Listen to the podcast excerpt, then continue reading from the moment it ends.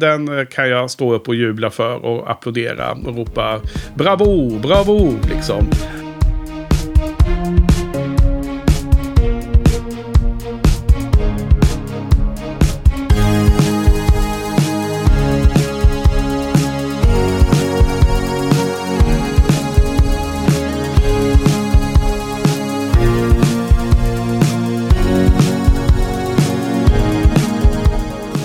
Välkomna till eh, Shiny-podden, säsong 4, episod 14. Det är sista episoden i eh, säsong 4 och vi har sett den 16 Hitchcock-filmen, eller den 16 av dem vi har sett, The Lady Vanishes från 1938.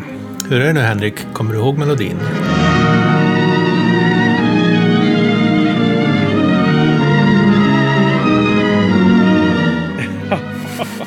Nej, tyvärr. Alltså, jag är ju dålig på det där med både komma ihåg melodier i huvudet och även att eh, framföra det. Men fråga tillbaks Frans. Kommer du ihåg melodin? Kan du Jag hade- återge den? Jag har haft den i huvudet hela dagen. Men precis Ja. när jag kom innanför dörren så försvann den. Precis tyvärr. när du skulle gå in i rummet. Precis när du skulle gå in i rummet och träffa eh, spionchefen så glömde du den. Ja, precis. Så nu är det nog... Eh, läget är förtvivlat för nationen. Mm. Okej, okay, precis som i filmen alltså. Ja, ja. ja Nej, men allvarligt, hade du, hade du musiken i huvudet idag eller? Ja, jag har den fortfarande i huvudet. Ja, hur, hur går den då?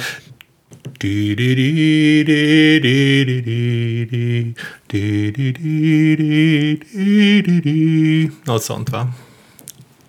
Lite mer. Ja, jag känner igen det. Men alltså, är det här någon känd visa av något slag, eller? Ska man Eh, den? det tror jag inte. Jag tror att det är någon skrivit, som har skrivit för den här filmen.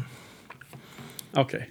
För, för i filmens värld så är det liksom en känd barnvisa eller något liknande, tror jag de, de säger det, va? Eh, säger de verkligen det? Ja, kanske inte. Nej, för Ja, det, det, det är ett, direkt. ett stort diskussionsämne som jag tycker vi ska komma till. Ja, okej, då får vi komma till det. Bra. Och, och då får vi inte heller glömma att eh, nämna vad Hitchcock och Truffaut säger om eh, den här själva storyn i filmen. För de har ganska kul eh, in, in, in, eh, in, inflik om det också. Oh, wow, spännande. Ja, vad, vad ska vi... eh, Vad, vad handlar filmen om, Henke? Ja, eh, lite kort då. Det är ju eh, det är ju en film som eh, utspelar sig mestadels på tåg för övrigt. För jag vet att vi har lyssnare som eh, gillar genren eh, film som utspelas på tåg. Men det är ju om eh, en tågresa tillbaks till Västeuropa ifrån eh, typiskt eh, Balkanhalvön ungefär. Eh, men, men det är liksom eh, något påhittat land de är i. Och sen är det ju en ung brittisk kvinna som eh, upptäcker att en eh, gammal trevlig dam som hon har eh, börjat eh, prata med i början av tågresan eh, försvinner. Och eh, eh, det är inga, ingen annan på tåget som vill vetas vid att den här gamla damen har funnits på tåget. Eller att, eh, ja, de håller inte med om att, att the lady vanishes. Så att eh, det blir ett stort mysterium. Och eh, ja. Eh, och det är då givetvis spionringar och eh, hemliga agenter och eh, sånt racka- rackarspel som är i bakgrunden. Då. Som det är den här fasen när Hitchcock nästan uteslutande gjorde sådana filmer. Ja, det låter ju jättespännande. Ja, eller? Eller är det så himla spännande? Ja, det är frågan. Nej, jag tycker det är olidligt spännande. Den, filmen börjar ju, trots att som du sa så utspelar sig till större delen på ett tåg, men den börjar med en helt fantastisk man kalla det scen, en, det är en inledning på filmen som är på ett litet hotell i det här äh, påhittade landet som jag tycker är helt fantastiskt. Där man introduceras, där de introducerar alla karaktärerna som kommer att finnas sig på tåget sen. Plus en hysteriskt rolig hotell, eh, vad är han, hotellportier.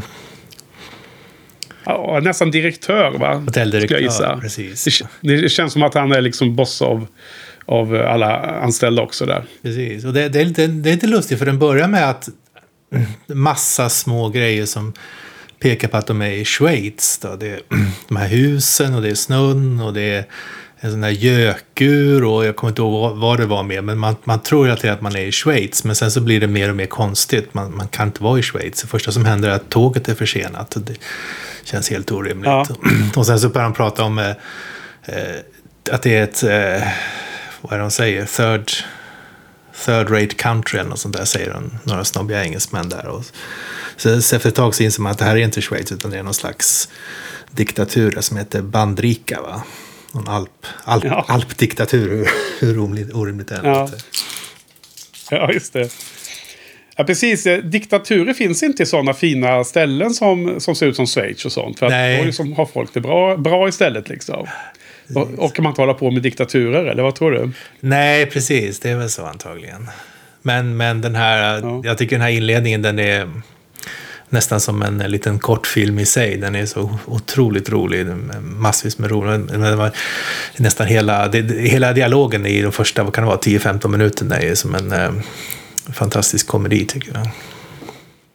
Ja, alltså det, det, det är ju längre än så till och med. För jag la märke till att det som jag upplevde som, just som du säger, inledning eller introduktion var så himla långt. Så att eh, efter ett tag så inser man att det är ju som inte bara en inledning utan det är ju verkligen en del.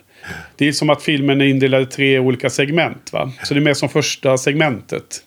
Skulle jag vilja hävda. Ja. Eh, Och det är ändå en slags Och det- och är lite introduktion, va? för att man, man, man lär känna karaktärerna en efter en. Och deras... Jo men absolut.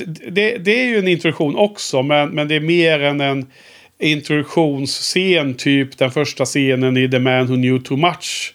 Som är liksom på några minuter. Ja. Den- och, och sen drar det igång ganska snart. Utan här är de ju, jag tror det är över 20 minuter innan, eller det det är helt säkert över 20 minuter innan de åker iväg på tåget nästa morgon. Ja.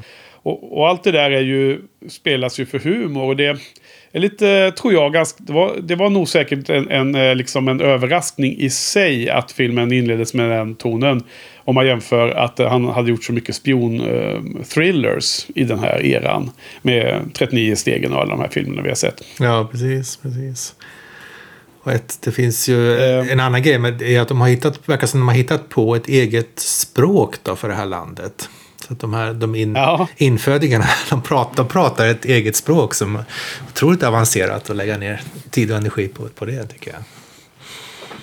Fast det är väl, det är väl gibberish och eh, lite blandat av tyska, italienska och annat tror jag. Men det, var ju, det är ett eget, men det är, det är inte ett fungerande språk såklart. Det, det vet man ju. Nej, men, men, men det, det är ju ord och meningar och sånt som de pratar. Det är ändå någon slags Ja.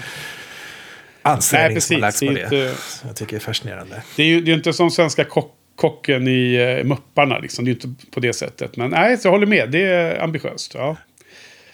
Vad heter det? eh, vi, eh, vi har ju tidigare eh, varit lite så här, eh, pratat om Hitchcocks förmåga som manusförfattare och, och tyckte att det var svagt när han gjorde The Ring och annat. Och här är det tydligen, här finns det ju lite mer info om hur mycket han lade sig i manusförfattandet. Och kommer du ihåg det? Att jag hade någon spekulation för några veckor sedan liksom om att, att regissören då, Hitchcock kanske liksom ändrar på en del av manus och sånt när man filmar också. Ja, Eh, precis. riktigt- Ja, och vänta, hur, kan, kan du dra, är det här, det här är baserat på en bok, eller hur är det? Ja, det är baserat på en, en roman som heter The Wheel Spins. Av Ethel Lina White. Eh, Så skrevs det ett, man, ett manus av Sidney Gelatt och Frank Launder. Okej. Som eh, var väldigt eh, lyckat tydligen. Men ändå så var ju eh, Hitchcock inne och ändrade på en hel del saker. Och han eh, adderade scener eh, i slutet och han eh, ändrade och fipplade fram och tillbaks. Så att det var väl till och med så att de här eh, manusförfattarna, Gillett Launder, tyckte att, eller Launder, tyckte att det var liksom för mycket ändringar. Och, och gjorde egna filmer efteråt för att liksom få hålla den kreativa mm, eh, styr, styrsel på det kreativa själva istället. Ja, ja, okej. Så att, eh, det var svaret på den. En, en av de frågorna vi har spekulerat lite är liksom att eh, om Hitchcock är inne och, och duttar i manus efterhand. Och det verkar som att han gör det då. då. I alla fall i det här fallet. Då. Ja. Ja. ja, men du, jag måste bara fråga dig här innan vi går in på detaljerna i den här långa inlednings, eller inledningsscenen eller segmentet, vad man nu kallar det. Det är liksom en blandning av... eh, Det är liksom tre olika faser i filmen. Där det första är liksom humoristiskt. Och det andra är mer ett mysterium. Och det tredje är mer en spänningsdel, eller actionorienterad del. Alltså den röda tråden är ju den em, checka dialogen tycker jag. Det, det, alltså, det, det, humorn i dialogen dör ju aldrig ut i filmen. Den, den finns ju där hela tiden. Och, så, spänningen, det är väl ja. nästan, nästan så att spänningen har lite av en un, underordnad betydelse. Det, det, är ju ett, det är ett mysterium såklart, men det, det känns inte som att bygg, filmens kvalitet bygger på, att, på det här mysteriet eller ens huruvida det kommer att lösas eller inte. Men, men vad, du sa att den var olidligt spännande. Så vad, vilket eh, moment är det spänningen då? Ja, det var nog mer ett, ett, eh, ett uttryck va, från eh, Så ska det låta. ja, okay, ja. Nej, men alltså inledningsscenen är ju fantastisk också med tanke på eh, det, han har filmat det med modellvärld. Det är ett modellbygge. Och sen så går det över i någon tror jag, en still, en målad stillbild av, av liksom husen. Och sen glider det över helt obemärkt in till att kameran kommer in i själva hotellvestibulen. Och, och då är det ju liksom riktig storlek och, och då är det liksom levande. Eh, jäkligt bra gjort, jäkligt coolt där i början. Eh, när man liksom hör om det i, i bakom eh, dokumentärer och så och, och, ser de här sakerna lite mer i detalj. Då, då så blir man imponerad av liksom hur kunde få fram de här eh, bilderna på olika sätt. Då. Hur, hur spelar man in, in, in, på den tiden? Alltså, man tänker sig Universal Studios, alltså stora utomhusområden där man bygger upp hus och så. Men är det här inspelat utomhus eller är det uppbyggt in i en studio? Vet du det? Ja, och det är inspelat i en liten jäkla studio som verkar vara så här sekunda lite på sidan. Så att den är så här superkort. En studio så att det får plats precis ett tåg som de har okay. Alltså en, en, en vagn menar jag. Inte Jaha, ett tåg ens. Okay. Och allt annat, alltså de har väl filmat vissa exteriörer tror jag, liksom on location på olika ställen. Men mycket av det är ju som typ modeller och liksom trickfilmat för att det ska verka som att det är ett långt tåg och sådär. Och eh, speciellt när den här inledningsscenen när man får se kameran sveper ner uppifrån och då ser man ju en tågstationen i en liten by och så ser man att det har varit en lavin där. Det ser man ju då. Snön har kommit över spåret och så. Och det är så stopp där. När, när, när, du, när du, säger det, får jag avbryta? När du säger det så är, är det här, är den scenen kan man, kan man se det som en lite grann en fortsättning på den scenen vi pratade om i den förra filmen som var precis på slutet där som var väldigt liknande va? Bör, börja med ett shot uppifrån när man ser stora, stora vidder och sen så zoomar, går det långsamt, långsamt in på detaljer. Just det, slutet på Young and Innocent är en imponerande eh, tagningen. Den är ju mycket mer eh, explicit bra eftersom det är en inomhus, en kontrollerad miljö. Här, här, är det mer att han bara panorerar över en, en by som är då med tåg och grejer och det är ju små modeller. Mm. Och sen så glider han över i någon form av jag tror att det, det, är någon form av tavla han har, liksom med picture som man filmar över. Och sen så klipps det in då till när man kommer in i, i rummet. Det är inte alls samma typ av teknik. Nej, så jag tror att det här är mer komposit av olika... Ja, ja. Så nej, för, för, för man mig... fixat, fixat liksom transitionerna på ett snyggt sätt bara. Ja, för mig, för mig kändes det nästan som att det var liksom... Att det var, för, för jag för, visste inte det här med tekniken, men för mig kändes det som att det var näst, nästan som en fortsättning på den scenen. Eller som en, en uh, anspelning på den scenen. Ja, en återupprepning. Men jag tror att det är långt därifrån. Utan det är ju som sagt modeller. Och medan den här den scenen vi pratar om i andra filmen. Det är ju, allting är ju riktig storlek. Och det har man ju verkligen på med, med kameran liksom i rummet. Här, här är det ju mer som... Eh, så, sånt här kan man göra digitalt idag. Och du kan ju flyga omkring med en kamera i en digital värld. värld och, och filma sådana här saker på ett helt annorlunda sätt. Men jag menar, det är imponerande när man gör det väldigt analogt, liksom, som ja. på 30-talet. Ju. Men sen kommer man in i det här hotellet och då är ju alla de här instruktionerna. Och jag menar, det är, det är kul att liksom det första man ser är ju den här Madame Froy, eller vad heter hon? Mrs Froy, eller vad heter gamla damen? Miss, Miss Froy, va? Miss Froy, ja, ja, sorry, sorry. Det är, hon är den första man ser, men liksom, kameran lämnar henne direkt. Liksom, så att man, man liksom får inte zooma in på att hon är huvudpersonen. Och det får man inte se på brittiska, hon unga kvinnan som ska gifta sig, Iris Henderson heller. Och inte heller den här eh, manliga huvudpersonen och så.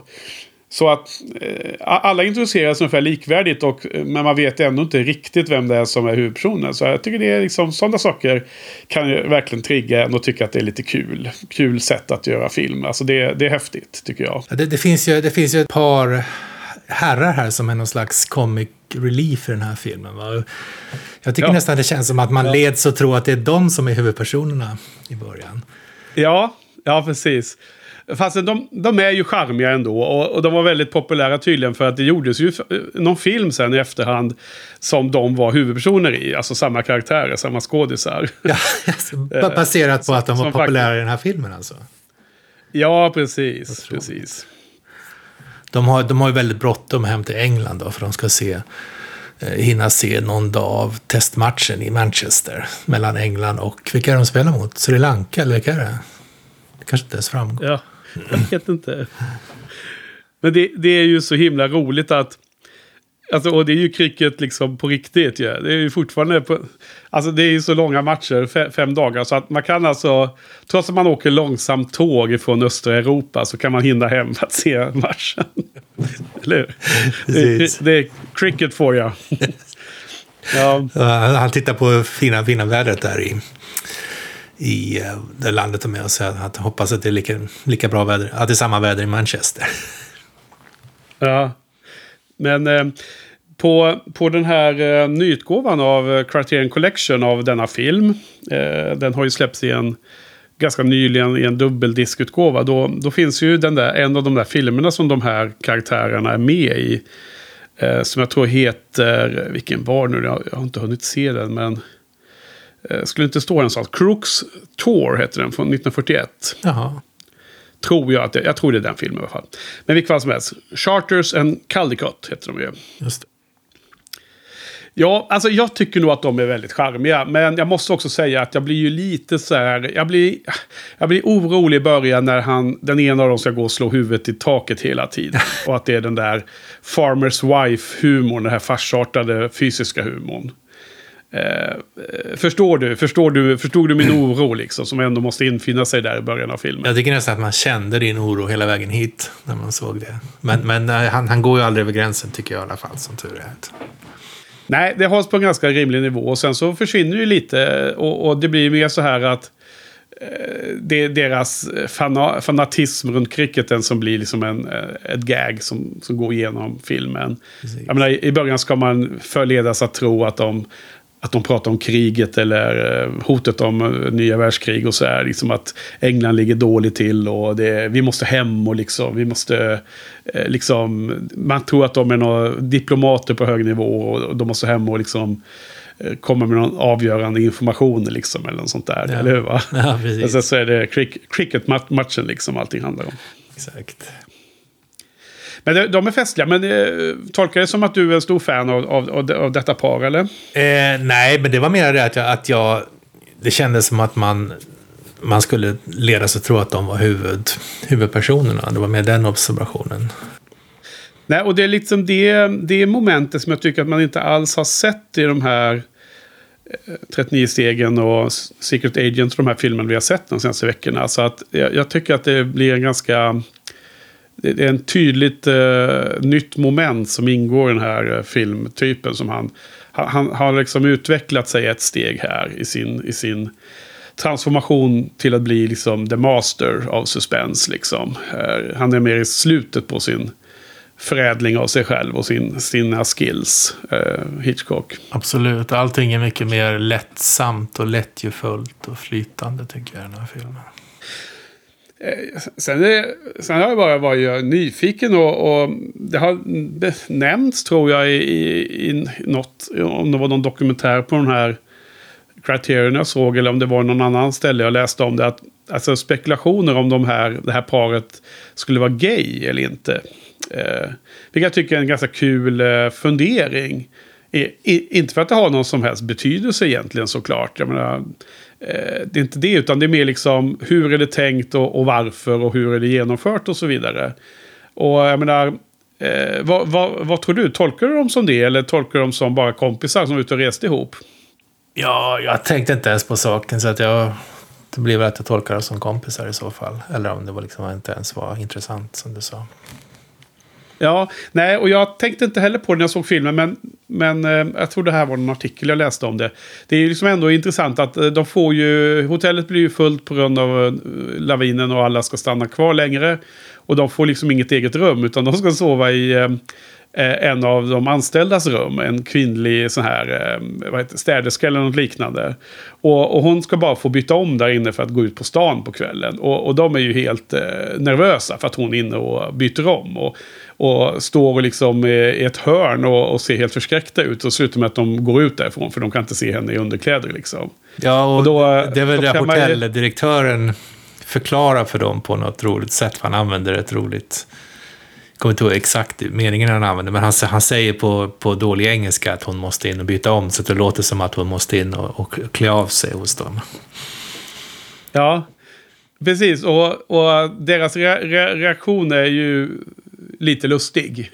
Och eh, skulle ju förklara mycket om det vore så att de var lite rädda för kvinnor.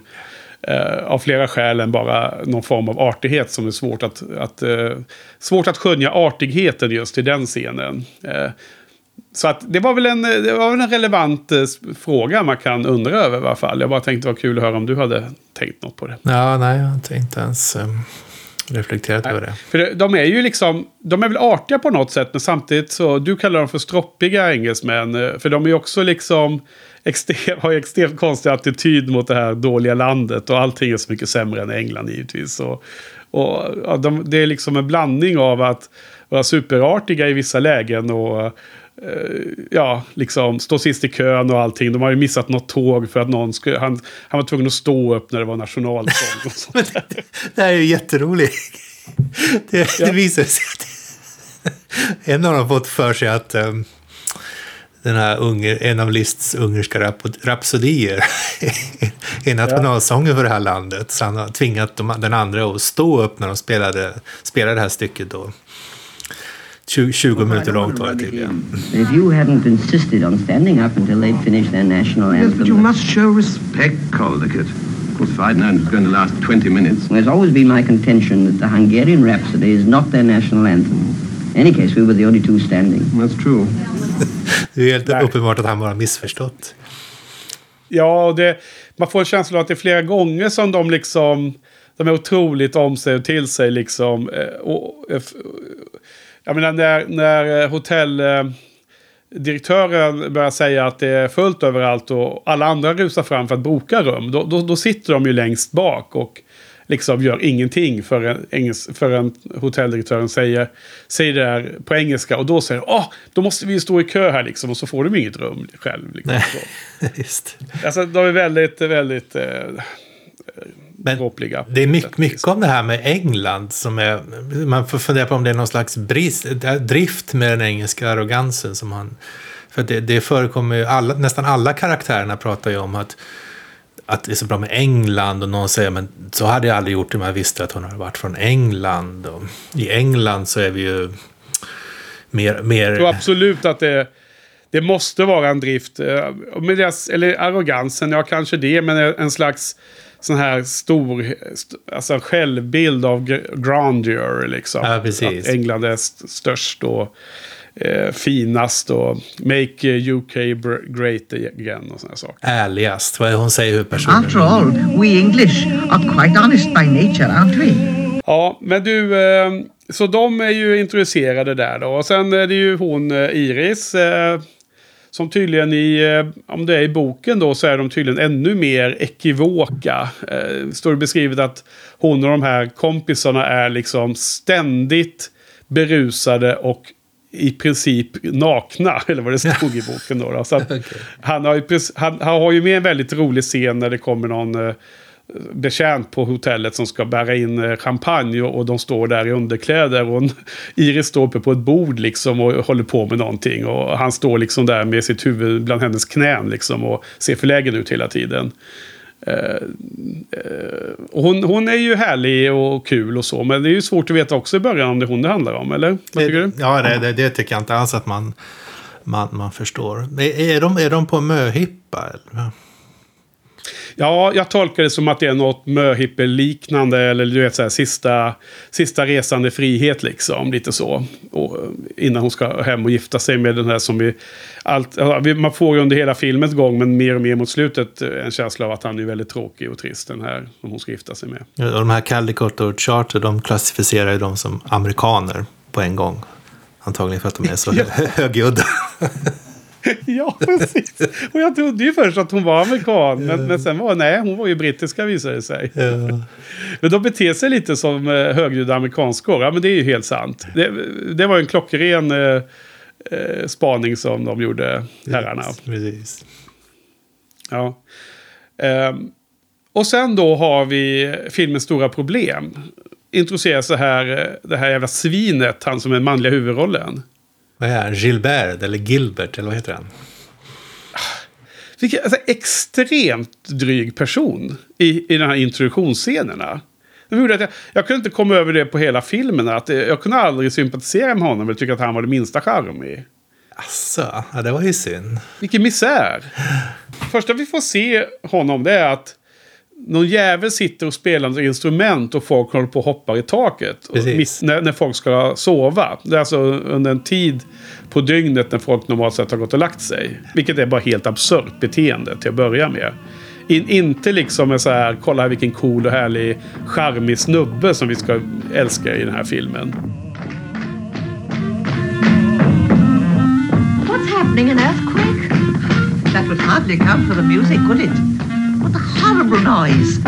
What can they be doing? I don't know, but I'll soon find out.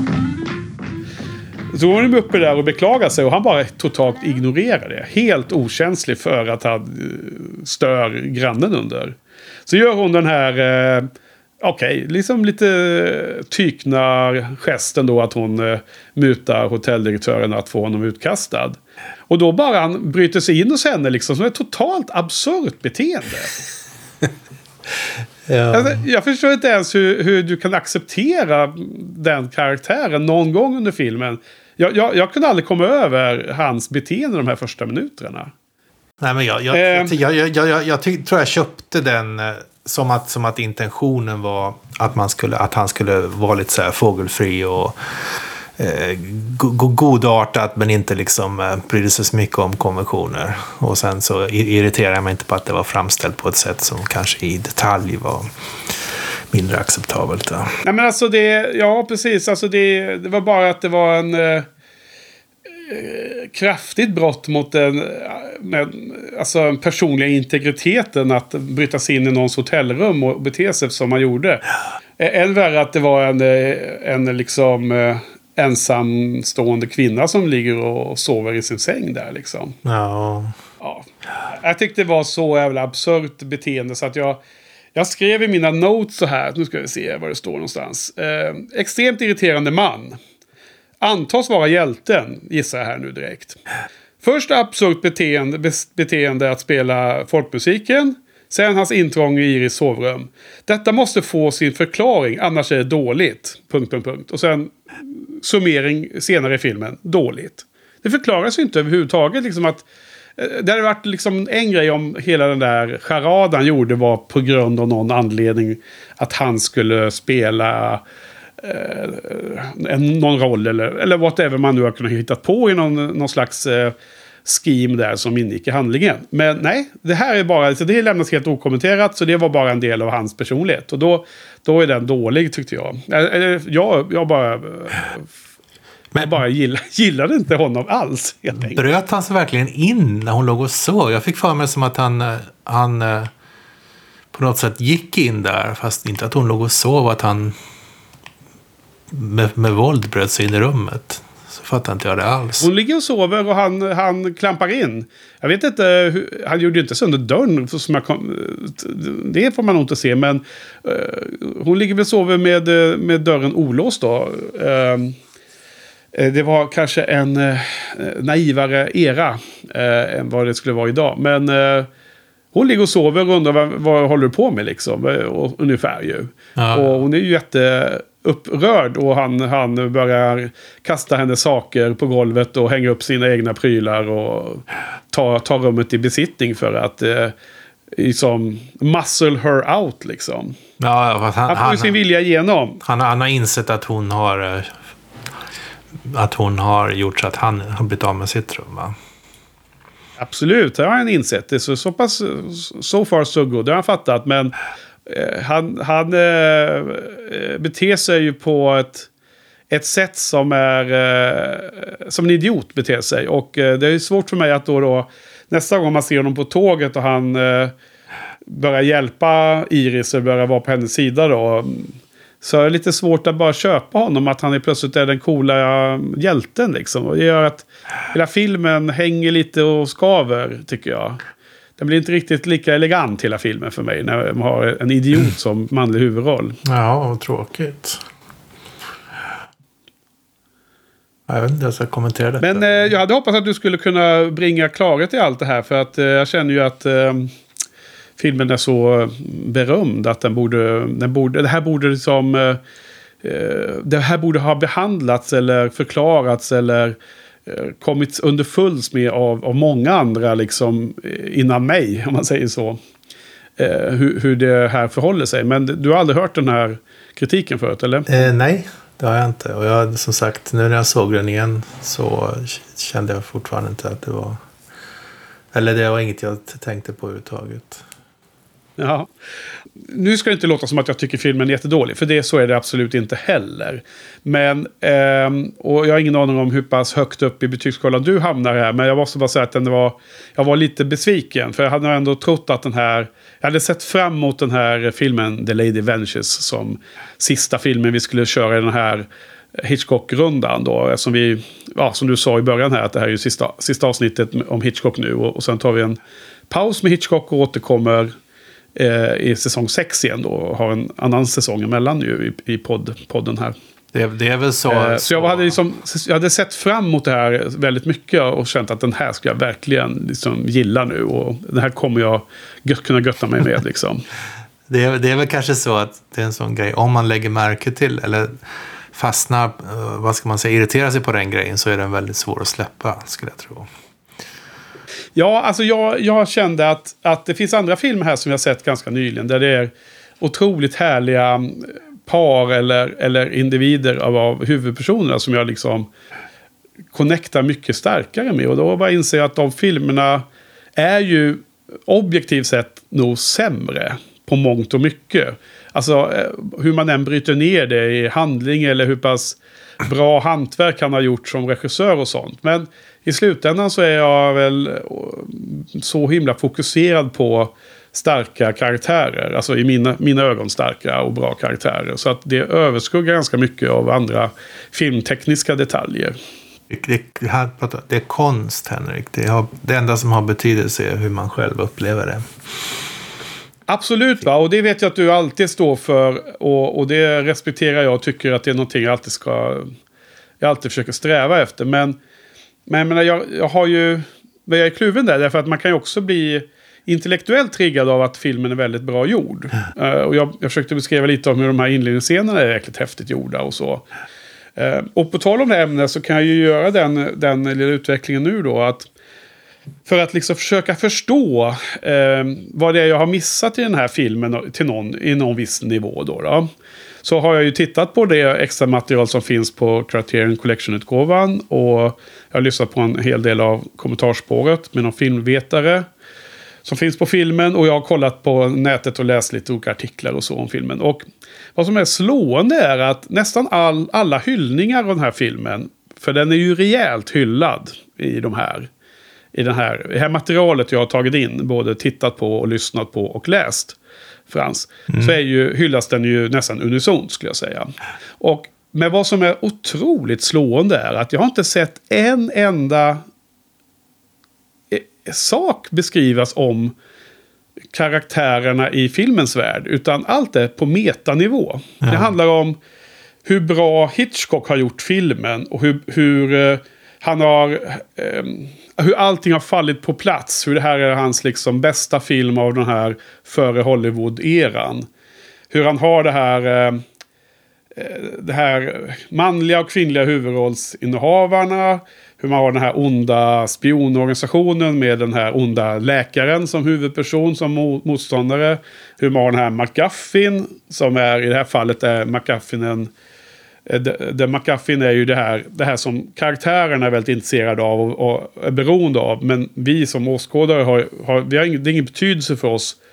Eh, för att det är bara som ett, ett, eh, ett tool för att få fram en spänning i filmen. Och den här gången är det meddelandet som Miss Roy ska föra från det här landet hem till England. Och, och meddelandet är kodat in i den här sången. Då, då. Och det har ingen betydelse. Vi, vi behöver inte veta vad meddelandet säger. Men alla i filmen är intresserade av det här meddelandet. Och att, eh, huruvida det kommer fram eller eh, spionerna på andra sidan vill ju stoppa det då. Så det, därmed är det ju en McCuffin. Och de, de pratar fram och tillbaka om olika faser i filmen och liksom det här eh, att den börjar så roligt och att det är så eh, spännande i slutet och allt möjligt med himmel och jord. Men liksom ingen pratar om som vad filmen är, det vi ser sen. Vad, vad, den här konsten som vi ska känslomässigt reagera på. Så jag var lite så här snopen där också. Att jag fick aldrig riktigt eh, svar på...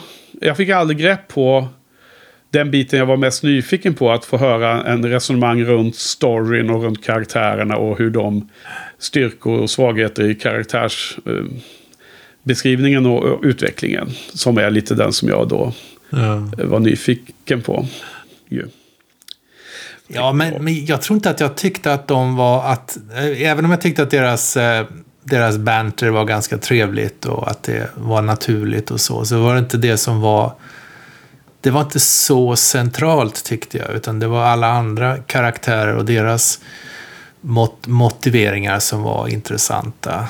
Till exempel när de är på det här tåget och hon försöker eh, få någon att erkänna att de har sett den här gamla damen så säger alla Ja. att de inte har sett henne. Men alla har sina egna helt, helt egna, helt själviska anledningar till att vä vägra erkänna att de har sett damen. Det är bara några få som egentligen ingår i den här spionorganisationen men de får liksom o, oväntad hjälp av alla andra resenärer som har sin egen anledning till att de inte vill eh, dras in i någon eh, diskussion eller något, något, något trubbel. Ja, det, det precis. jag Det är ett par som är otrogna och vill liksom gå under radarn. Och cricketherrarna vill ju bara liksom att det inte ska bli en utredning. Så att, för då kommer tåget stoppas och så här, de vill komma hem snabbt. Precis. Så det, det finns massa, massa andra, andra karaktärer som är, som är roliga och som, som driver filmen mera, mera kanske än deras än, än de två huvudpersonerna. Då.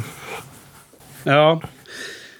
Nej, precis. Alltså, filmen är ju som sagt hyllad och det, det är ju ofta att det står beskrivet som att de har great characters och liksom, det är så härlig dialog. Och dialogen köper jag. Det, det måste jag säga. Den, den kan jag stå upp och jubla för och applådera och ropa bravo, bravo liksom.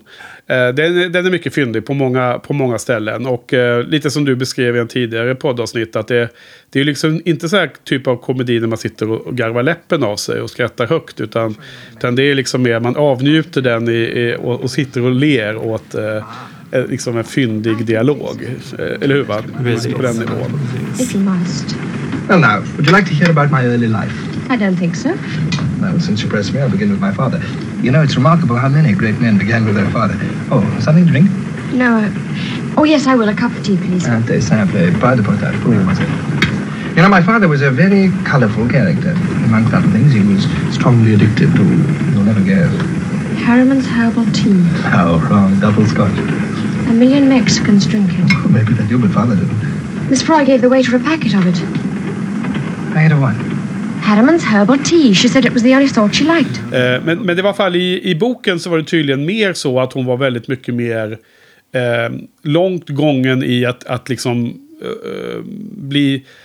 Alltså tro att allting var... Att hon höll på att bli galen. Alltså de Ja, spelar mycket mer med det i boken ja. tydligen. Eh, för att det är ju den känslan hon får när ingen annan har sett eh, damen.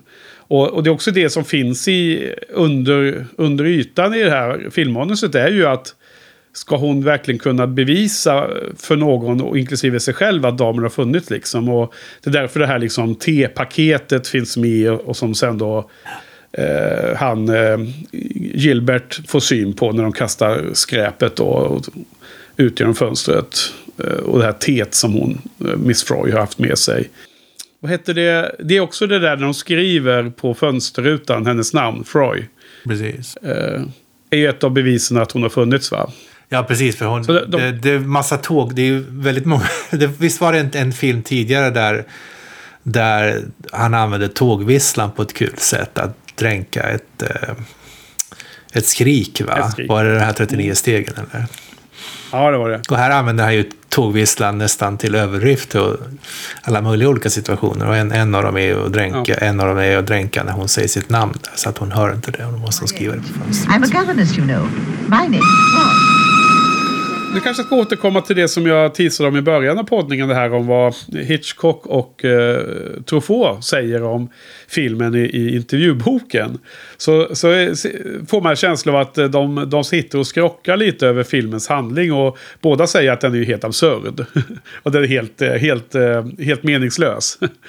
Eh, Men att det, liksom, det är bara en fantasy. Så, så att det, då kan det vara så, tycker de. Liksom, och så skrattar lite, får jag en känsla av. If we want to go back to our old friends, the plausibles, Si nous voulons retourner à nos vieux copains, les vraisemblances, I want to know why a message had to be in the hands of an old lady il devait y avoir un message dans les mains d'une vieille femme anybody could knock over. Que n'importe qui aurait pu euh, abattre. I want to know why they didn't send the message by pigeon. Je me demande pourquoi ils n'ont pas envoyé le message par pigeon. And why they had to go to these elaborate et pourquoi ils ont pris ces méthodes tellement élaborées to change her over on the train, pour la changer dans le train, have another woman ready to change clothes, avoir une autre femme qui était prête à changer d'habit, shunt a whole coach away into the woods. faire disparaître toute, toute une caro- euh, tout un des cars dans les bois, dans la forêt. C'est simplement une petite chanson qu'elle transporte. Particularly because all she's carrying is a little song. That's all, sure. Très jolie, très jolie. Very nice. So that's the real fantasy. Alors vous voyez, c'est une vraie fantaisie. Ah oui, absolument. Et la chute à Scotland Yard, quand... euh, Man, man har ju lärt sig nu men tycker jag att man, man får köpa det här att eh, själva huvudhandlingen är inte plausibel. Va? Som, vi- det har vi lärt oss för några avsnitt sedan. Att det, det får man bara köpa och glömma det. Att det är helt, som du säger, helt absurt Absolut. att hon, hon, den här gamla damen måste föra med sig den här melodin till, till Mr. Ja. Callaghan, eller vad han heter, i London. Där. Ja, när, liksom, när vi såg en scen på hotellet att någon bara telefonerar till oss. Precis.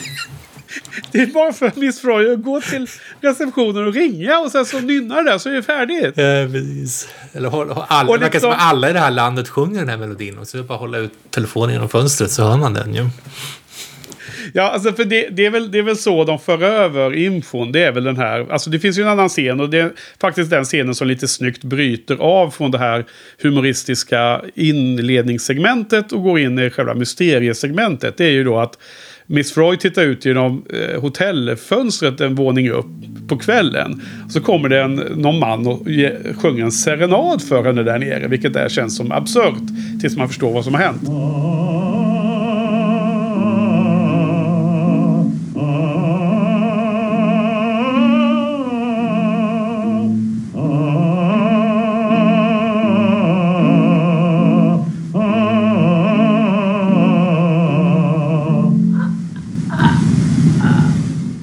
Och sen ser man någon döda den mannen. Man strypa honom liksom. Ja, och det är liksom så här, lite chockverkan där verkligen som är ganska kul. Lite som wow, vad hände där?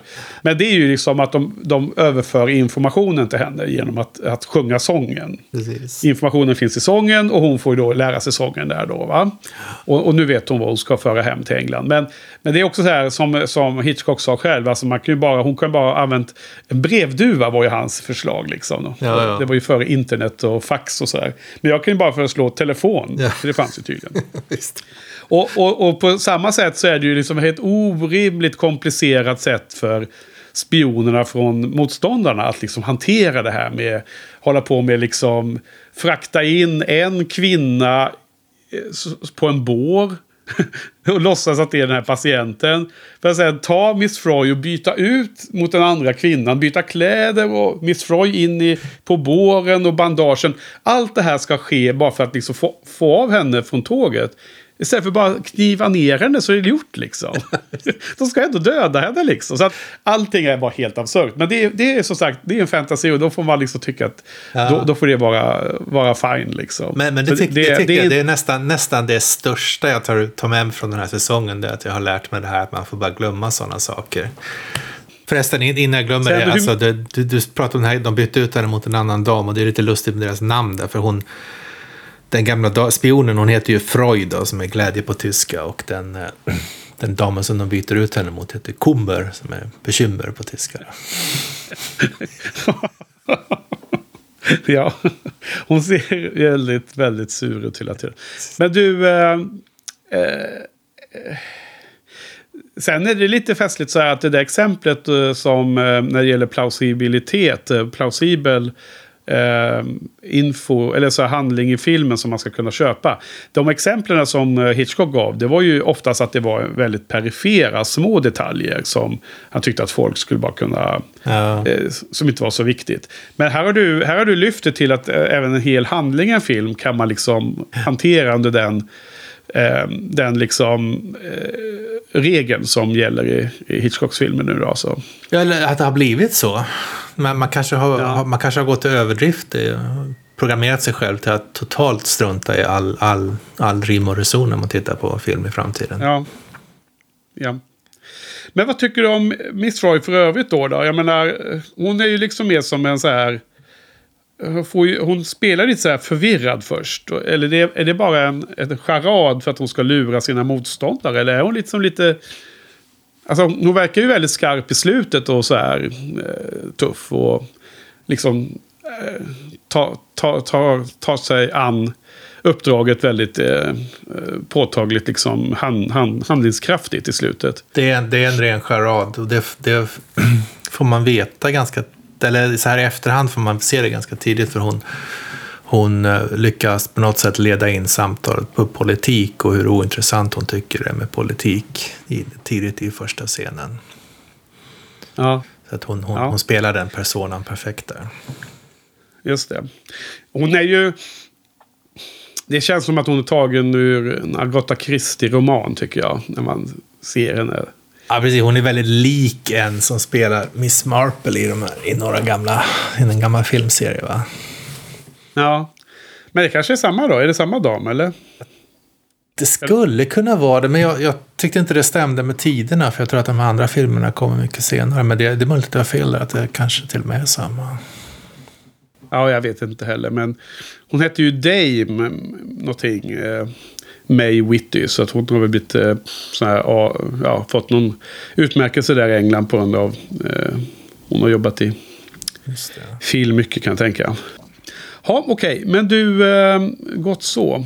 Vad har vi mer då på det här? Eh, En, den som jag tycker nästan den, bäst, eh, den bästa se, enskilda scenen i filmen, det är när han de ska bli förgiftade av vin. Man får, som, som tittare får man veta att de kommer att bli eh, sövda av, eh, av att de blir bjudna på vin. Ja. Fast de själva vet inte om det. Och man får se... ja, det är en brandy, brandy där. Ja, det är en jättehäftig scen. Ja, de pratar mycket om den i intervjuboken också. Okej, för det är liksom det är en långdragen scen där vinglasen är på väg att välta och man, man ska vänta, ska de dricka, ska de dricka? Och till slut så dricker de och, och sen får de själva kommer de själva in i den här suspensen för att de får veta att vinet var förgiftat. Så de liksom känner vi måste, vi måste hinna nu innan, innan vi slocknar. Väl, Ja. Väldigt, väldigt bra gjort tycker jag. Precis. Alltså Hitchcock hade ju tänkt mycket runt det där. Han hade filmat. Om du kommer ihåg så filmar han från sidan. Så att eh, huvudpersonen sitter till vänster om kameran och eh, skurken sitter rakt fram. Och man ser över bordet. Kameran är lite snett nerifrån. Och då längst ner till höger i bilden så är det liksom, finns ingenting. Det är som en, en tom area. Sen kommer ju serv servitören och ställer de här två glasen av brandy som är spiked då, tror vi. Då står de väldigt nära kameran i förgrunden ner till höger, där på den eh, tomma ytan. Och sen så istället för att eh, huvudpersonerna tar upp eh, glasen och, och ska dricka och du vet så här upp och ner och börjar prata och bli avbrutna och så här. Han väljer att inte göra det. För att han, han förstår att det blir spännande ändå. Man väntar, alltså hela scenen går och det är först i slutet de tar glasen och sen dricker. Precis. Han, han, han kör inte det vanliga liksom, trixet att, att försöka inducera spänning genom att, att filma på det, på det traditionella sättet. Och han, de håller på att fippla mycket med att få då, jag antar att det är skärpedjup och sånt där, och sen få dimensioner att funka. Så att eh, han vill liksom filma så att man såg delvis eh, scenen genom glasen också. De är ju så, så viktiga så att han vill liksom få, få in dem.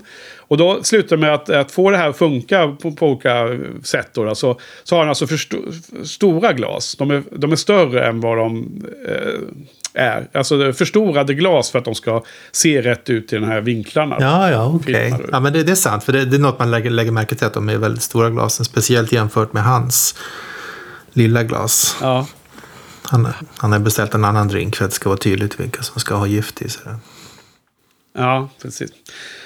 Och sen så visar det sig att den här eh, nunnan då, som då tycker att om det är en brittisk kvinna som är offret så, så byter hon sida helt plötsligt lite lättvindigt. Hon har då liksom sett till att det inte finns gift i. Just det. Och sen det blir lite placebo då, för att det ser ju ut som att de är liksom lite, känner sig lite så här yra i skallen då, huvudpersonerna. Fast det måste ju bara vara helt inbillat då, eftersom de, ja det är inget gift i. Ja, men det, det blir man väl. Om, om man tror att man är förgiftad så tror jag att man kan känna sig ganska sjuk. Ja, precis. Det här, det här giftet... Och man, man har väl gjort... Ja, förlåt. Ja. Nej, jag tänkte bara säga gift, Nej. giftet. Det har jag kallat för hydrosin. Då. Jag tänkte kolla om det finns på riktigt.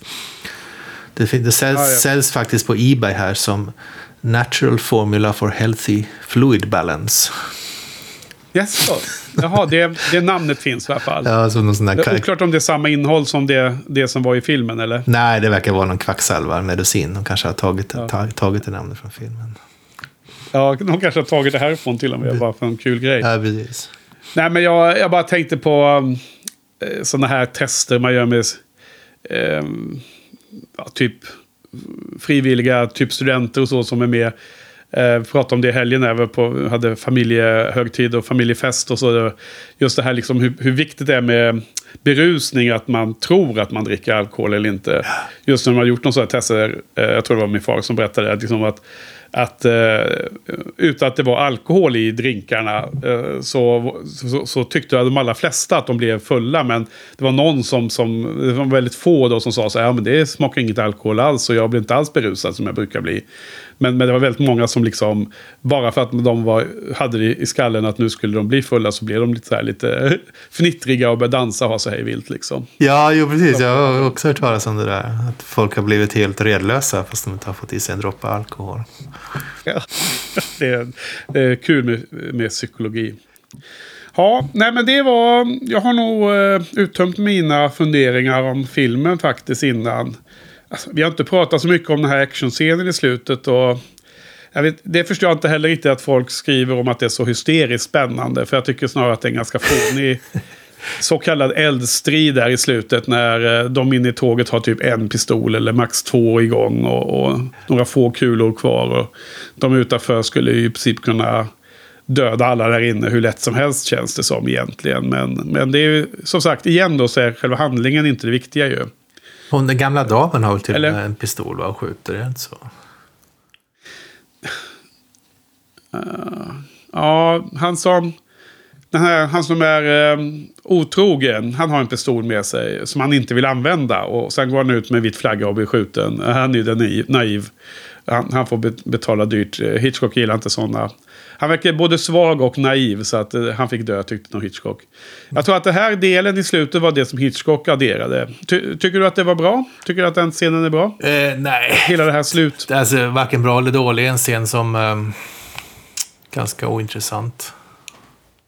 Nej, det är ju ganska långt liksom att eh, tåget tar sig in på ett stickspår och sen så ska de få stopp på det och så ska de backa och sen ska de åka vidare över gränsen och allting. Liksom. Det, det är ganska så här komplicerad, eh, lite rörigt då för att vara en, en helt plötsligt eh, hängas på den här eh, komedin, mysterie, eh, romantiska filmen och sen blir det en actionfilm i slutet. Ja, alltså jag ska säga att det, det är ingen scen som jag skulle komma ihåg från den här filmen. Liksom, från tid, tidigare Nej. tittare, att den scenen var med. Men när jag såg den nu så satt jag mest och tänkte på hur lik den var eh, som även en tidigare film har vi pratat om, hur lik den var eh, From Russia With Love.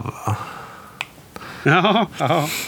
På Ja, den vet du filmen. vad jag satt och tänkte på att den var lik eh, lite tidigare i filmen när de gick fram och tillbaka i tågvagnarna och letade och, och interagerade med olika Eh, andra karaktärer. Det var att jag fick liksom en liten vibb från eh, avsnittet The Train Job från Firefly.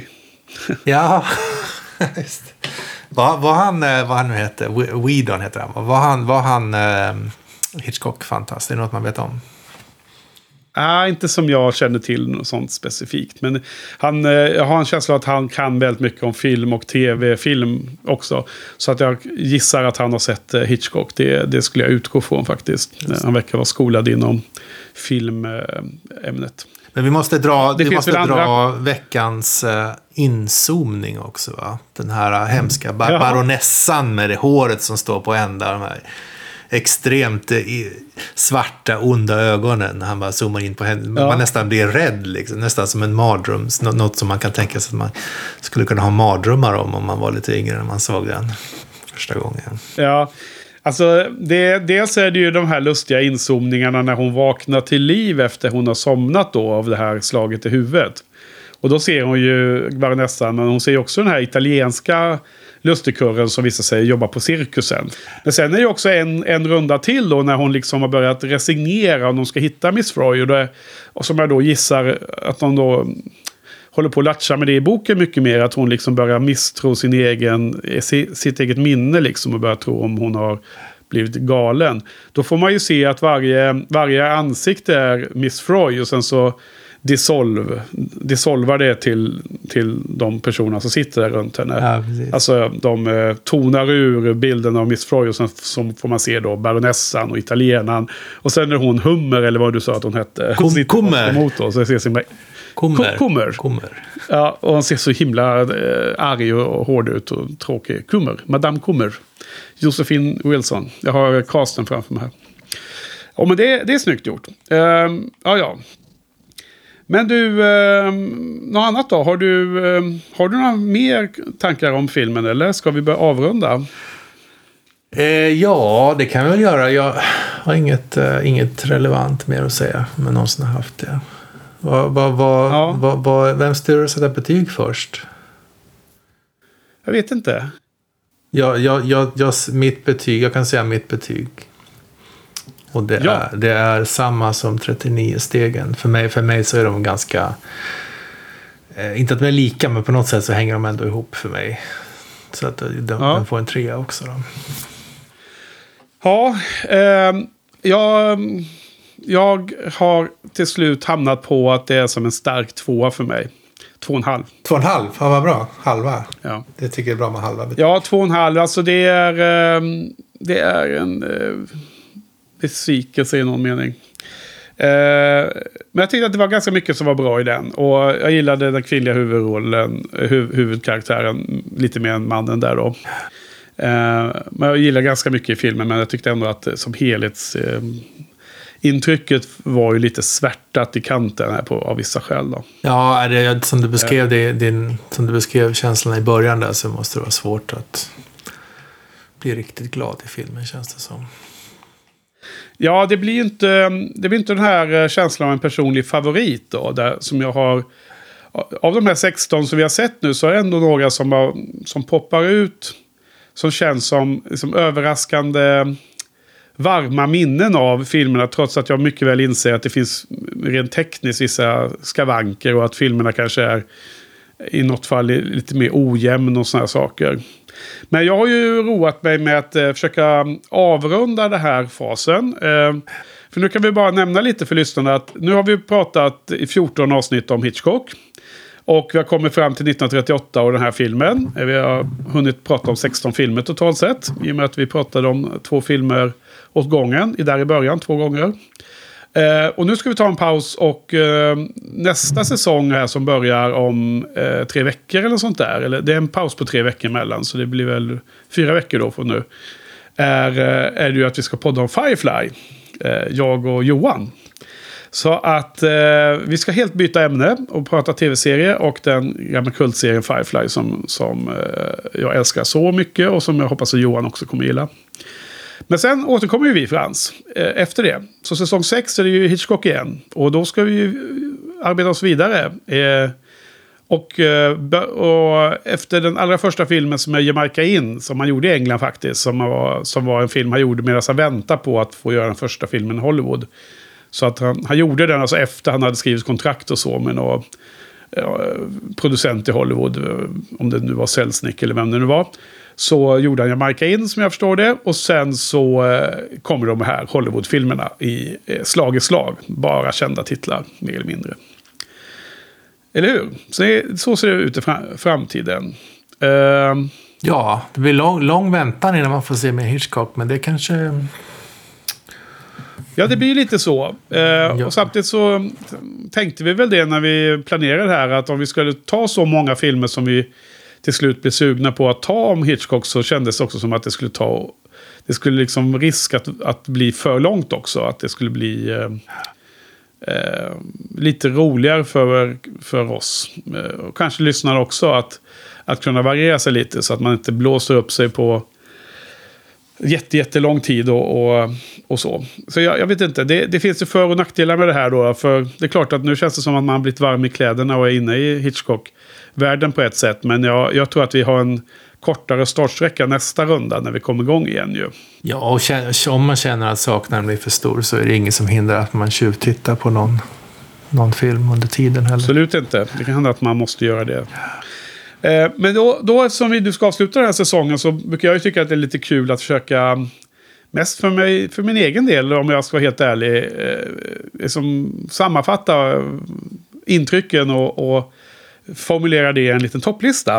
Eh, och jag är lite osäker på om du är så lika pigg på den aktiviteten som jag. Men så jag vet inte, hur, hur har du gjort? För att vi, vi skulle återkoppla det idag lite, hur det blev. Ja, jag, jag, jag är inte så förtjust i... Jag läser gärna listor sådär, men jag är inte så förtjust i själva konceptet. Och jag, men vad jag har gjort då, är att jag har gått in på min Letterboxd. Eh, gått in på min eh, Hitchcock, eh, fram, vad säger man, Hitch, förteckning över Hitchcock-filmer jag har sett. Som jag, jag började med här Letterboxd på din inrådan precis nu. Så jag har ing, ingenting gammalt här, utan bara det jag har sett de senaste månaderna. Sorterade den efter min ranking. Så, att så, så har jag g- gjort för att få fram min lista. Ja, ja. Men då har du, så du spelar med ändå då med, med topplista. Det var ju fantastiskt. Ja, jag kände, kände, Eh, då- kände pressen. Ja, du, precis. Du har fått jättestor press från mig eh, här i bak, bakom kulisserna. Eh, nej, men jag är positivt överraskad. Jag trodde inte att det skulle bli något. Men, men eh, jag har ju, jag, alltså för mig, eh, jag, har gjort, jag har faktiskt knåpat på den här listan ordentligt nu. Och eh, försökt känna vilket... vilka nu, nu, nu går jag på, på din eh, tolkning av vad som är, du vet, bara magkänsla nästan Frans. Va? Eh, jag har liksom prioriterat ner det intellektuella stimulin av filmerna. Som jag i vanliga fall egentligen brukar också värdera lite. Och det har ju lett till att om man tittar på min eh, topp eh, lista här nu så är det inte exakt enligt de betyg jag har satt. Utan det har redan hunnit ändra på sig lite. så att det är inte säkert att du kanske har helt koll på vilken ordning det blir. För att det här är liksom mer eh, personliga njutningslistan av hur, hur eh, upplever filmerna i njutningsgrad mer än eh, eh, något så här intellektuellt analytiskt. Om dem. Men är det så att du har... Har du gjort den här listan fristående från betygen du har satt eller har du gjort om betygen? Ja. Okej. fristående från betygen. Och det är klart att det någonstans finns det ju en mer trolig eh, placering om man har ett högt betyg från våra poddningar. Men jag har inte hållit på och rankat om dem ännu betygsmässigt. Jag har bara satt dem i den ordning här som jag, jag tycker att de blev bäst. Eh, i, I form av... Eh, jag har inte tittat på betygen för att göra ordningen utan bara satt dem i, så som det känns i magen. Och så har det varit... På några ställen så är det liksom... Eh, ser det konstigt ut om man bara följer betygen. Då, då. Ja, men du... Eh, ska vi ta topp 8 av, av de 16 vi har sett då? då? Är det en rimlig nivå? Eh, Då kan vi ta varannan då. Om du har det här framför dig. Om du har din lista framför dig kan vi ju bara köra lite snabbt. Vi har ju redan pratat om filmerna så vi behöver inte säga så mycket om dem kanske. Ja, precis. Alltså, det blir väldigt mycket oavgjort här, men det får vi köpa då. Vad då menar du? Många som har exakt samma betyg, men jag får göra en snabb tiebreaker i huvudet då. Jaha, just det. Åt, ja, precis. Men det är eh, då, de som har samma, då får du väl... eh, Då får du köra lite som jag då, magkänsla. Precis. Men, ehm, ska du börja då? Vilken är, har du på åttonde plats då? Åttonde plats blir då... Eh, ska vi se här. Sabotage. Okej. Den rackaren. Eh, han med pojken på bussen, explosionen. Ja, det var det va? Ja, Just det. just det. Den är ju, ligger ju högt upp på... Många, många tycker det är en viktig, viktig Hitchcock-film. Så det, det är förståeligt, det finns värden i den. Eh, för mig, nummer åtta, The Man Who Knew Too Much. Jaha. Med eh, den lustiga Peter Lorre. Ja, ja, det var lite det var lägre än jag hade förväntat mig. Ja. Sjua då? The Skin Game tydligen. Jaha. Det var ju den, det var så otroligt usel eh, DVD-film som jag såg på. Och du också. Man, Men vi- kunde knappt höra vad de sa. Så här. Vi snackar om ögonblicklig tiebreak här mellan alla filmer som har fått Abs- två. ja, men två. absolut. Det är ingen kritik Frans. Det är, det är bara roligt att komma ihåg filmerna och, och reflektera lite över de här, eh, vad vi har haft pratat om. Liksom. Så det är ingen värdering i det här. Men jag har eh, en film som jag gissar inte alls är med på din lista ens. Utan det är Young and Innocent, förra veckans film Ah, med det okej. härliga paret som åkte omkring på den brittiska landsbygden och eh, var lustiga. Just det, nej, men den var väl bra. Det, Eh. det var den som förlorade tiebreaken på till åttonde plats Ja. här när jag var tvungen att bestämma mig snabbt. Så det, Ah, Okej, så den, Vi var den var en eh, lika där. bubblare som vi... precis. Det var en bubblare som vi sa. Och sjätte plats då? Murder! Ja, Murder! Murder! Härligt. Ja, ja men det, den är ju gentlemannadetektiven som räddar den oskyldigt döm, dömda skådespelerskan från döden. Eh, jag har faktiskt The Lodger, A Story of, of the London Fog, eller vad det nu hette i den långa versionen. Ja, okej. Vår första film där som var så kul. Den bästa silent movien. Ja.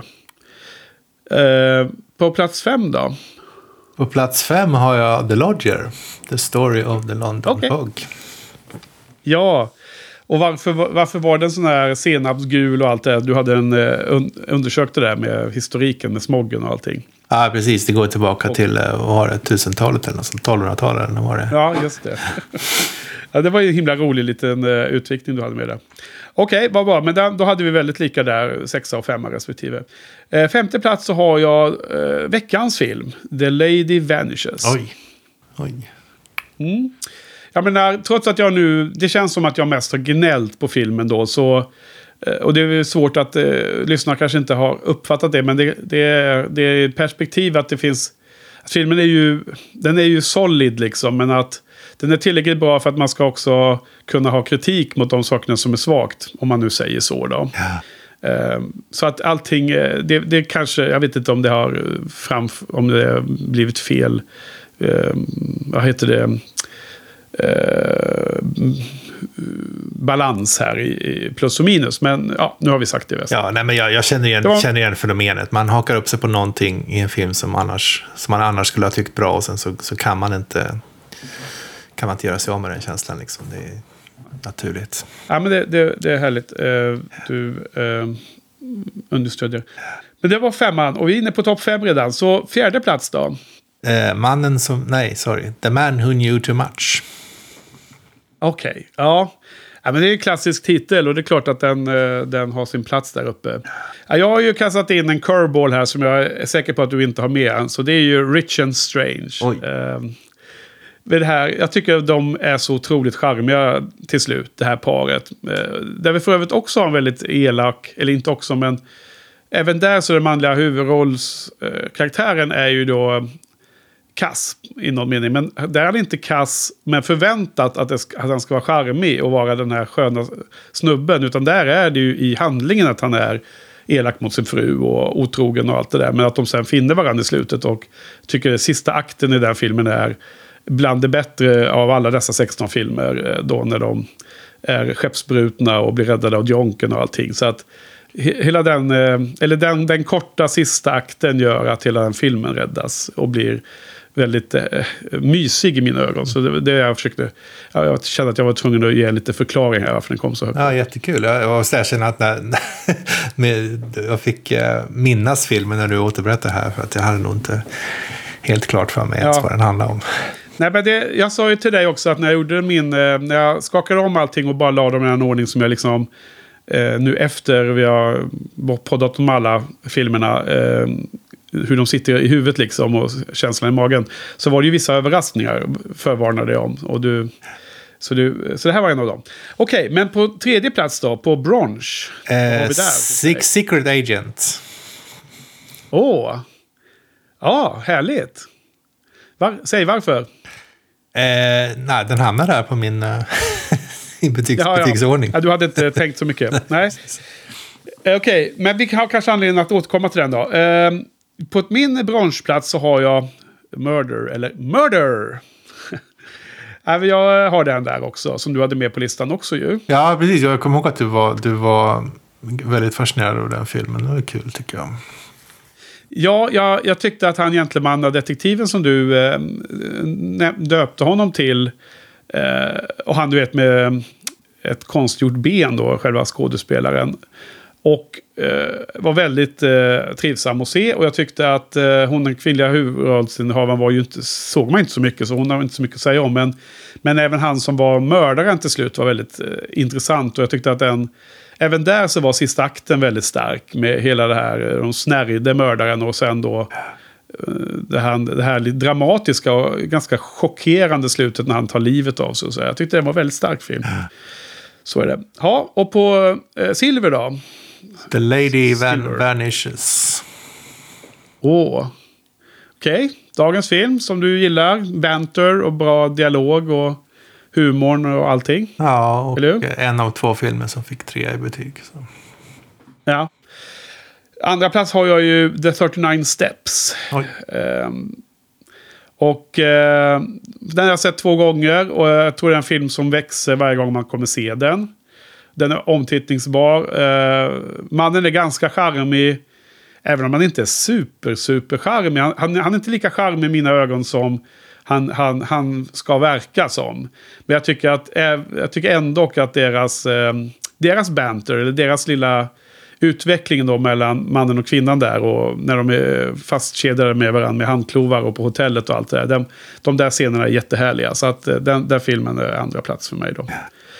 Och då, din första plats har man ju redan kunnat lista ut då kanske. Ja, Eh, precis. höra- Det är inte de, inte de 38 stegen utan de Nej, 39 stegen.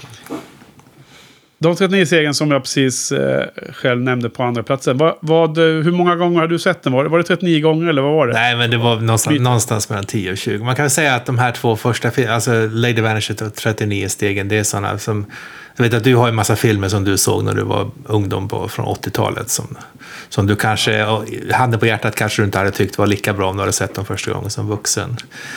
Och Nej. för, för, mig har de här, de här, just de här två filmerna och plus många av dem vi kommer att se sen har liksom samma, samma det, det är samma fenomen. Liksom. Det är filmer som man har växt Ja. upp med. Det är svårt att inte tycka de är bra. Ja, men, och, och det där är ju bevisat på det sättet att man... Jag, jag har sådana 80-talsfilmer som jag bara tycker är svinbra fortfarande när man ser om dem. Men så har man ju andra som är då lika bra, säger kompisar. Eh, som, men som jag av någon anledning missade när jag växte upp. Och då har man ju liksom i olika sådana här... Det är kul liksom att... Eh, kolla på dem då och, och se vad, vad är det för något som folk eh, hyllar så och är så nostalgiska runt. Så ser man dem då, 80-talsfilmer. Eh, Ett sånt exempel är exempelvis Goonies, som jag vet att många hyllade för att de såg den när de var liten. Och, den, och den såg jag ju nu som vuxen och tyckte den var ju... Den var lite småcharmig förvisso och jag kan förstå varför den, den har... eh, varför den är omtyckt.